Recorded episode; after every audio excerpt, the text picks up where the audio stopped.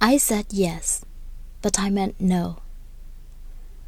People are compelled to be together, good and bad. You've agreed to shrimp with the geology couple.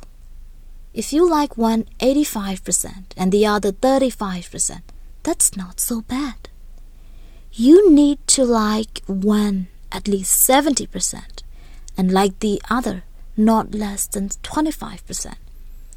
Otherwise, it's agonizing and pointless, like being crucified without religious significance. Averages are misleading.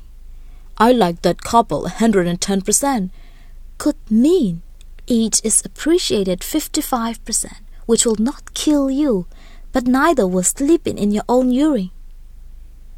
One should like oneself between 60 and 80%, and at 45%, one becomes an undertaking prone to eating disorders, public weeping, useless for gift wrapping and relay races.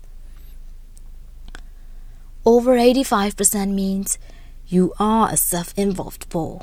I don't care about your Nobel Prize in positrons or your dog sled victories. Of course, there is great variance throughout the day.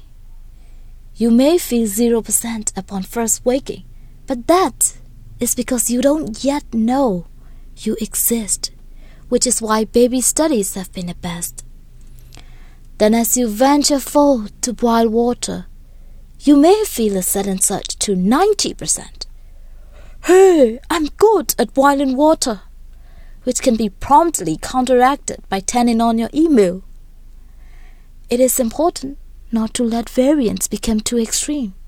A range of 40% is allowable. Beyond that, it is as great storms upon drought stricken land. That is mudslides. Sugar, retirement plans, impending jail time are influential factors. Generally, most data has been gathered regarding raising percentages. The modern world, it is argued, is plentiful with opportunities of negative effect